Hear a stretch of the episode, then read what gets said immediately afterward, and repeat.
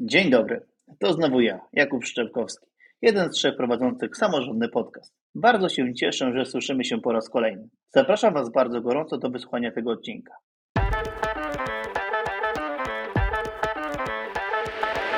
Dziś porozmawiamy o doktoracie wdrożeniowym z perspektywy osoby, która taki doktorat realizuje oraz o międzynarodowej współpracy. Jest mi niezmiernie miło powitać mojego dzisiejszego gościa, którym jest Kamil Wilk absolwent Wydziału Mechanicznego Politechniki Gdańskiej. Aktualnie zatrudniony jako kierownik projektu inżynier-spawalnik w Instytucie Spawalnictwa w Cambridge Wielkiej Brytanii. Kamil w środowisku doktoranckim na przestrzeni ostatnich trzech lat pełnił rolę wiceprzewodniczącego porozumienia doktoratów uczelni technicznych, a następnie członka komisji rewizyjnej i obecnie Rady Doradczej Krajowej Reprezentacji Doktorantów. Kamil, bardzo się cieszę, że się słyszymy i dziękuję za przyjęcie mojego zaproszenia. Cześć, witam Cię Kubo serdecznie i dzień dobry wszystkim. Ekstra. Kamil, jakbyś mógł na początku nam powiedzieć, na czym dokładnie polega Twój doktorat? Jakie są główne cele Twojej pracy badawczej? Kubo, głównym założeniem mojej pracy jest analiza wpływu wielokrotnej obróbki cieplnej oraz czasu wygrzewania na właściwości złączy spawanych. To znaczy weryfikacja, w jaki sposób wybrane materiały wykorzystywane w energetyce przemysłowej zachowują się w powielokrotnych naprawach spawalniczych. Tytuł może trochę odstraszać, ale słowa kluczowe, które pomagają nam wyobrazić sobie zakres zagadnienia w tej pracy, to awarie i związane z nimi spawanie naprawcze. A to wszystko w kotłach energetycznych elektrociepłowni w każdym większym mieście w kraju, Europie i na świecie tytułem krótkiego wstępu, aby przybliżyć, dlaczego taka wiedza i badania są w ogóle poszukiwane w przemysłowym życiu oraz mają pośredni wpływ na codzienne funkcjonowanie każdego z nas, chciałbym zwrócić uwagę, że aby otrzymać taką podstawową dla nas ciepłą wodę w kranie i kaloryferze oraz prąd w naszych domach, ktoś musi o to zadbać. Ten ktoś to szeroko pojęty sektor energetyczny, w którym wyróżniamy dwa podstawowe nurty, dzięki którym właśnie rynek energetyczny realizuje swoje cele. To znaczy dostarcza nam ciepło i prąd. Jedną z odnóg są odnawialne źródła energii, tak zwane OZE. Bardzo popularny temat, który dzięki polityce klimatycznej i szeroko pojętemu zagadnieniu dbania o środowisko nie będzie znikał z naszego życia jeszcze przez długie, długie lata. Ale to nie o tym w tej pracy mowa. Oraz drugi, w zasadzie podstawowy sposób to konwencjonalne metody pozyskiwania energii, czyli surowce energetyczne pochodzenia kopalnego, takie jak węgiel kamienny, brunatny, gaz ziemny czy ropa naftowa, które nadal dominują w produkcji energii na całym świecie. Tu tylko dodam, że w samej tylko Polsce produkcja energii elektrycznej w latach 21-22 w ten konwencjonalny sposób to blisko 80% całej produkcji, które pochodziło właśnie z elektrowni konwencjonalnych. Pomimo inwestycji w wielkoskalowe bloki na parametry nadkrytyczne, czyli nowoczesne, bardziej wydajne zakłady, to podstawowymi jednostkami produkującymi energię w polskim sektorze pozostają kolokwialnie mówiąc stare jednostki o mocach od 120 do 500 MW Reprezentują one w tym momencie około 70% łącznej mocy zainstalowanej w sektorze energetycznym. No i niestety w tym przypadku zdecydowana większość ma 40 i więcej lat. Z samym wiekiem nie byłoby większych problemów, ale jak to często bywa, jest pewne ale. I to ale to czas ich eksploatacji, który dawno przekroczył projektowane 200 tysięcy godzin. A 200 tysięcy godzin to są niecałe 23 lata ciągłej pracy. I gdy porównamy 40-50 lat do projektowanych 23, to z tego płyną bardzo klarowne wnioski. Mianowicie, jeżeli użytkujemy kotły energetyczne, to prawda, że w kontrolowany sposób, ale wciąż ponad pierwotne założenia projektowe, to mierzymy się z wciąż wzrastającą liczbą awarii, a w konsekwencji przestojów i nieplanowanych napraw. Dodam jeszcze dla zrozumienia skali, że koszt awaryjnego przestoju kotła może oscylować od pół do 3 milionów złotych na dobę, a przestoje awaryjne liczymy od kilku do kilkunastu dni, co bardzo szybko generuje znaczące koszty. I to właśnie z tymi naprawami, które wpisują się w całościową problematykę oceny trwałości długo eksploatowanych elementów ciśnieniowych bloków energetycznych, związana jest moja praca. Wyniki tych badań są częścią mającą na samym końcu pomóc w świadomym podejmowaniu decyzji i bezpiecznym i niezawodnym funkcjonowaniu eksploatowanych ponadprogramowy czas pracy jednostek. Chciałbym jeszcze dodać, że zagadnienie spawalnictwa w energetyce jest na tyle kompleksowe, że w rozwiązywanie problemów eksploatacji kotłów energetycznych zaangażowani są specjaliści z wielu specjalizacji i branż. Materiałoznawcy, technolodzy, projektanci, sektor naukowy, sektor przemysłowy, niezależne jednostki nadzoru technicznego, a co za tym idzie, dzięki wybraniu takiego tematu pracy i zaangażowanie w rozwiązywanie problemów, które są powszechne praktycznie na całym świecie, mam możliwość bycia włączonym we współpracę z ludźmi o szerokim spektrum specjalizacji, a co za tym idzie, trenować swoje umiejętności logicznego myślenia podczas rozwiązywania problemów technicznych z najlepszymi w branży. Kamil, wielkie dzięki za przetłumaczenie tematu Twojej pracy badawczej dla osób nietechnicznych. Zabrzmiało to bardzo skomplikowanie i słychać, że jesteś wielkim pasjonatem tego, co robisz. A powiedz proszę, co sprawiło, że taka specyficzna tematyka w ogóle Cię zaciekawiła i wybrałeś właśnie ten temat swojego doktoratu? Zaczynając od okresu studiów, politechniki w swoich założeniach są miejscami, w których między innymi uczysz się studiować oraz szukać rozwiązań problemów technicznych.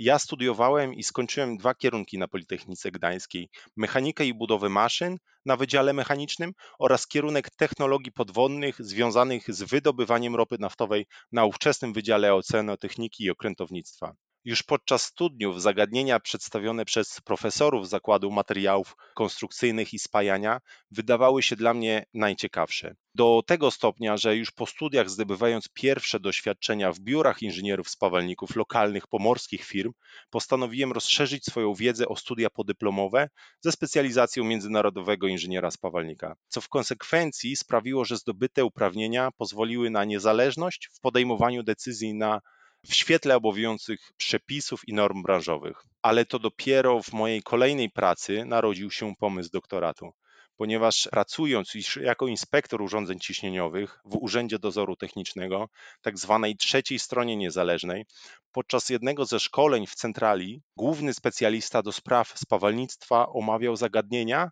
problemy, z którymi główni specjaliści oraz główne laboratorium dozoru obecnie się zajmowało.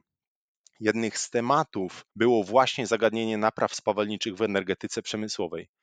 Bardzo szybko rozbudziło to moją wyobraźnię, aby wykorzystać możliwość wykazania się z wiedzą teoretyczną ze studiów w praktyczny sposób, właśnie rozwiązując przemysłowe problemy. Dodatkowo, mając bardzo dobre doświadczenia z kadrą ze studiów w specjalizacji spawalniczej, czułem, że dobrym połączeniem może być szczegółowe, akademickie podejście do zagadnienia w połączeniu z praktyczną analizą problemu typowo z życia przemysłowego. I moim pomysłem na połączenie tych dwóch światów był start w konkursie do programów doktoratów wdrożeniowych z Ministerstwa Nauki i Szkolnictwa Wyższego ówcześnie i na podstawie opisu zagadnienia i opracowanego planu projektu zdobyłem stypendium pozwalające na rozpoczęcie badania. Od tamtego momentu zaczęła się moja przygoda z tematem doktoratu, to znaczy przeglądem literatury, planowaniem eksperymentu, badaniami laboratoryjnymi, prowadzeniem ćwiczeń i laboratoriów oraz pisaniem pracy na Politechnice Gdańskiej, jednocześnie kontynuując pracę w pełnym wymiarze w dozorze technicznym. Okej, okay, wielkie dzięki. E, Kamil, skupmy się na razie na Twoich trochę badaniach. Powiedz mi, w jaki sposób Twoje badania wdrażają konkretne rozwiązania w przemyśle i w jaki sposób wykorzystujesz wiedzę i umiejętności zdobyte podczas doktoratu? Wyniki i wnioski badań z doktoratu przede wszystkim są składową do analizy, która odbywa się podczas awarii takiego elementu ciśnieniowego w kotle. Już zinterpretowane wyniki badań pozwalają przyspieszyć proces decyzyjny, czy dana naprawa w konkretnym przypadku może zostać wielokrotnie wykonana w tym samym miejscu, na przykład z powodów pojawiających się niezgodności spawalniczych. Taka wiedza, że proces spawania nie zdegraduje nam struktury poniżej poziomu bezpiecznego użytkowania, pozwala podjąć świadomie decyzję o dalszej bezpiecznej eksploatacji i zaplanować pełną wymianę bądź naprawę danego elementu w najbliższym okresie remontowym elektrociepłowni. W swoich badaniach wykorzystuje cztery niezależne sposoby dostarczenia informacji o tym, jak zachowuje się materiał po spawaniu. Pierwsza to szereg standardowych badań laboratoryjnych, które dają nam wszelkie niezbędne informacje, których potrzebujemy, aby określić wytrzymałość materiału, na przykład już po procesie naprawy. Badania te są najdokładniejsze i dostarczają pełne informacje do dalszych analiz, ale trwają najdłużej i wymagają specjalistycznego przygotowania próbek. Drugim sposobem dostarczenia informacji jest analiza metodą elementów skończonych, tak zwany MES, czyli symulacja komputerowa, która jest nam w stanie przedstawić przewidywalne rezultaty zachowania materiału na podstawie prowadzonych danych. Jest to o wiele szybsza metoda, ale obarczona większym prawdopodobieństwem popełnienia błędu. Następnie są metody nieniszczące materiałów, czyli za pomocą fal ultradźwiękowych wprowadzonych do materiału otrzymujemy sygnały zwrotne, które odpowiednio zinterpretowane dają nam informację, w jaki jest skład naprężeń w materiale, który ma bezpośredni wpływ na finalną wytrzymałość konstrukcji oraz obliczenia analityczne, czyli na podstawie literatury i określonych współczynników przez standardy oraz doświadczenia naukowców przewidujemy, jakie w materiale powstają struktury, a to następnie ma bezpośredni wpływ na wytrzymałość danego materiału. I te wszystkie informacje pomagają w kompleksowym doborze parametrów napraw, tak aby czas dalszej eksploatacji elementów ciśnieniowych kotła przebiegał w kontrolowany i bezpieczny sposób. A czy możesz podzielić się konkretnymi przykładami projektów lub inicjatyw, w których brałeś udział wykorzystując wiedzę zdobytą podczas swoich studiów doktoranckich? Tak, jak najbardziej. E, takie pełne i intensywne wykorzystywanie mojej wiedzy zaczęło się podczas projektu w Instytucie Spawelnictwa, gdzie obecnie pracuję. Aby nabrać doświadczenia i nawyków pracy w rozwiązywaniu problemów, trzeba mieć przede wszystkim do nich pełny dostęp. Do Instytutu codziennie spływają zapytania techniczne z całego świata, z wszystkich branż, zaczynając od kosmonautyki, lotnictwa, branży oil and gas, cała branża samochodowa, budownictwo, stocznie, medycyna, z ponad 70 krajów. Zapytania są sortowane odpowiednio od specjalizacji i przydzielane do odpowiednich osób bądź działów i zespołów. Do mnie właśnie trafiają innymi problemy związane z naprawami spawalniczymi w urządzeniach ciśnieniowych.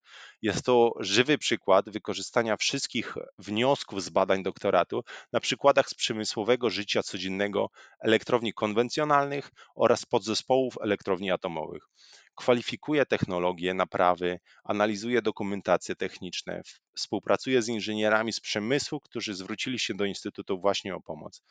W dziale mam wielu bardzo doświadczonych teoretycznie i praktycznie kolegów, których zawsze, nawet przy codziennej rozmowie, mogę zapytać o porady techniczne, tak aby być pewnym swojej odpowiedzi we współpracy z klientem zewnętrznym. Tu w centrali znajdują się wszystkie niezbędne działy wraz z głównym laboratorium i to bardzo ułatwia codzienną pracę, ponieważ gdy masz pytania do specjalistów z metalurgii, czy laserów, spawania łukowego, czy też techników z laboratorium, w jakiejkolwiek wątpliwości wystarczy krótki spacer do oddziału obok, aby krótka rozmowa rozwiała Twoje wątpliwości oraz zweryfikowała Twój punkt widzenia. Drugą częścią mojej pracy w instytucie, w której wykorzystuję doświadczenia z doktoratu, jest prowadzenie projektów badawczo-rozwojowych oraz eksperymentów w danej tematyce. Takim projektem, który na obecną chwilę mnie bardzo interesuje i angażuje, jednocześnie jest cyfryzacja i zdalne zarządzanie danymi podczas procesów spawania. Kierownictwo widząc moje zainteresowania cyfrowymi technologiami, zaproponowało weryfikację pomysłów w zewnętrznych instytucjach. I sama idea łączy tradycyjne procesy spawania z szeroko pojętym tematem cyfryzacji i zarządzania danymi. I tu chęć wykazania się sprawiła, że wraz z zespołem projektowym złożyliśmy wniosek w brytyjskim odpowiedniku Polskiego Ministerstwa Innowacji. To było tak naprawdę 7 miesięcy temu. Dziś e, tu w Instytucie jestem kierownikiem tego projektu z ramienia Instytutu, a nasi przemysłowi partnerzy to rządowe firmy gazownicze oraz partnerzy związani z automatyzacją oraz cyfryzacją danych produkcji spawalniczej. Bardzo dużym plusem są budżety, które dają nam swobodę we wdrażaniu Twoich pomysłów, a mając do dyspozycji działy administracyjne i prawnicze oraz szeroko pojętą pomoc e, pozatechniczną w codziennych pracach, można skupiać się głównie na tym, w czym się specjalizujesz, czyli technicznym problemie. Dzięki temu praca i jak i osiągnięcie wyników przebiega znacznie łatwiej i szybciej. Mhm, dzięki. A powiedz Kamil, jakie umiejętności i kompetencje są kluczowe w pracy badawczej i wdrożeniowej?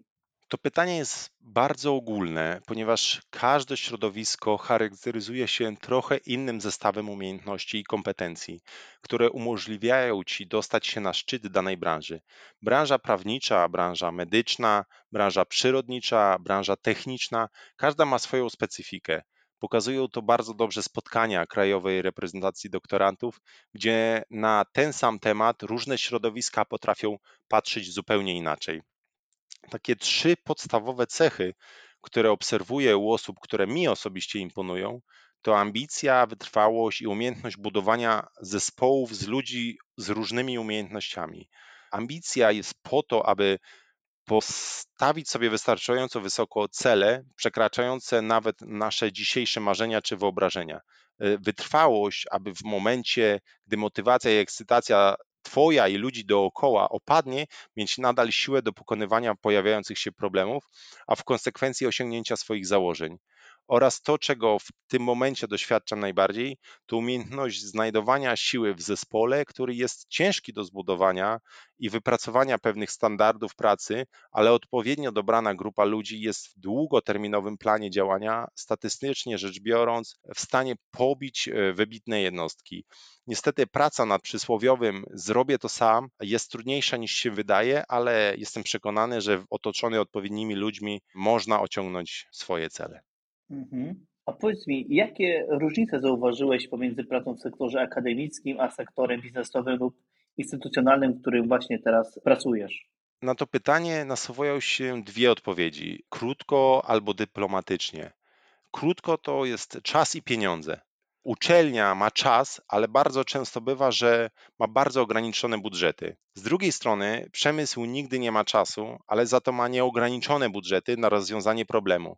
I tutaj mała gwiazdka, ponieważ przemysł ma bardzo dobrze uwzględniony punkt, kiedy koszty przekraczają zyski, i za tą cienką granicą kończy się całe zainteresowanie. A dyplomatycznie rzecz ujmując, sektor akademicki i sektor przemysłowy, jak wszystko, mają swoje wady i zalety. W idealnym świecie trzeba byłoby wybrać to, co najlepsze z naukowego podejścia rozwiązywania zagadnień, czyli skrupulatnego przeglądu literatury, wyboru optymalnych rozwiązań na podstawie artykułów, doświadczeń i eksperymentów swoich i naukowców na całym świecie zajmujących się podobnymi tematami i pełnych badań oraz poddania wyczerpującej odpowiedzi popartej licznymi przykładami z niezależnych źródeł. W efekcie otrzymujemy kompleksową i pełną wiedzę. Niestety do wad zalicza się bardzo często fakt, aby pokryć kompleksowe podejście w dużej ilości przypadków, budżety na badania są niewystarczające. Z drugiej strony, przemysł głównie opiera się na przepisach i normach. Badania mają spełnić pewne określone minimum, pokrywające się z wymaganiami, i otrzymujemy wówczas wystarczającą odpowiedź w stosunkowo krótkim czasie, ale dalsze działania, nieuzasadnione zyskiem firmy, bardzo często odkładane na tak zwany bardziej odpowiedni czas. Kamil, jestem przekonany, że nagrywamy właśnie najbardziej techniczny odcinek naszego podcastu. Wszystko, o czym mówisz, jest niezwykle ciekawe i myślę, że zainspirowałeś nie jednego młodego człowieka. Obecnie przebywasz w Cambridge, gdzie pracujesz jako kierownik projektu w Instytucie Spawnictwa w Cambridge. Powiedz proszę, jak to się stało, że znalazłeś się w Cambridge? Bo myślę, że nie jeden z naszych słuchaczy chciałby być na Twoim miejscu.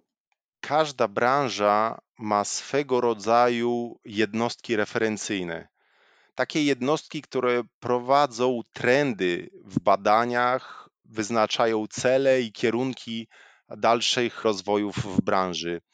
Ja zaczynając tą tematykę, studiując na Politechnice, obracając się w środowisku przemysłowym pomorskiego sektoru spawalniczego, zawsze przez ostatnie 8 lat, podczas kiedy ten temat mnie w ogóle interesował, napotykałem na artykuły naukowe, na wyniki badań, na książki, na wywiady z naukowcami właśnie z Instytutu Spawalnictwa z Wielkiej Brytanii. Jest to środek, który bryluje, ponieważ ma bardzo duże budżety na badania. Głównymi założeniami Instytutu nie jest zarobek, ponieważ wszystkie środki, które wpływają do Instytutu, są automatycznie przeznaczane na dalsze badania i rozwój. To pozwala na być e, swobodnym w wymyślaniu rozwiązań na bieżące problemy uczestników, którzy do tego instytutu należą. Okej, okay. Kamil, Twoja odpowiedź idealnie wpisuje się w moje kolejne pytanie. Jakie są perspektywy na przyszłość dla Twojej dziedziny badań i wdrażania rozwiązań z zakresu spawalnictwa? Czy widzisz jakieś trendy lub kierunki rozwoju właśnie tam w Cambridge, które wspomniałeś, bryluje w tej tematyce i nadaje kierunki rozwoju? W kontekście samych badań i wdrażania nowych rozwiązań mamy kilka takich e, kluczowych trendów. To nie jest nic e, nowego, ale automatyzacja i robotyzacja procesów spawalniczych ona bezpośrednio wpływa na zwiększenie efektywności, precyzję i powtarzalność. Jest to temat zawsze wartki, zawsze pożądany przez wiele branż z przemysłu. Drugim takim trendem może być zastosowanie technologii cyfrowych i wykorzystywanie samych oprogramowań do modelowania procesów, do monitorowania jakości spojeń w czasie rzeczywistym, którym głównym celem też jest optymalizacja przede wszystkim jakości i czasu produkcji rzeczą, na którą tutaj zwraca się bardzo mocną uwagę, jest też wysoka jakość i bezpieczeństwo, która zawsze u tych graczy na pierwszym miejscu wygrywa z kosztami po prostu. I teraz aktualnie takim bardzo grzmiącym tematem jest zastosowanie spawania adytywnego, czyli tak potocznie zwane drukowanie metalem 3D. To, co my jesteśmy przyzwyczajeni do drukowania stworzyw sztucznych, tutaj Instytut i specjaliści bardzo dużą uwagę przykładają na drukowanie elementów z bardzo wymagających metali, stopów, do właśnie drukowania konstrukcji, które są bardzo trudne w produkcji bądź też niemożliwe. Chodzi mi o kształty i następnie wdrażania tego w miejscach w przemyśle, które tego wymagają. Kamil, i ostatnie pytanie moje do Ciebie, bo jesteś doświadczonym naukowcem, doświadczonym samorządowcem. Czy mógłbyś podzielić się z naszymi słuchaczami radą dla osób, które rozważają doktorat wdrożeniowy lub chcą połączyć właśnie badania akademickie z praktyką biznesową i być za kilka lat w tym samym miejscu, co Ty? Może niekoniecznie w Cambridge, ale w innych ośrodkach naukowych na świecie. Jeszcze przed samym rozpoczęciem doktoratu warto jest skrupulatnie przeanalizować zapotrzebowanie na wybrany temat oraz e, samą postać e, swojego mentora, profesora i promotora na uczelni, ponieważ ma on bardzo kluczową rolę w Twoich następnych 3, 4, 5 latach życia. Z mojego punktu widzenia zauważyłem, że zdefiniowanie i rozwiązanie czyjegoś problemu przynosi znacznie mniej wątpliwości na kolejnych etapach pracy, ponieważ jeżeli przedstawisz sposób rozwiązania oparty na badaniach i doświadczeniach akademickich, klient, którego interesują wyniki, jest znacznie bardziej skłonny do pomocy i współpracy na wszystkich dalszych e, stadiach projektu. Kamil, wielkie dzięki za rozmowę. Dziękuję Ci raz jeszcze za poświęcony czas i jesteśmy w kontakcie. Wszystkiego dobrego, życzę Ci wielu sukcesów w życiu zawodowym, jak i osobistym. Wszystkiego dobrego, Kuba. Cieszę się, że mogłem się z Tobą usłyszeć i zobaczyć i wszystkiego najlepszego dla Ciebie, do mojego i szybkiego zobaczenia. Projekt Samorządny Podcast został dofinansowany ze środków Ministerstwa Edukacji i Nauki w ramach programu Organizowanie i animowanie działań na rzecz środowiska akademickiego w 2023 roku.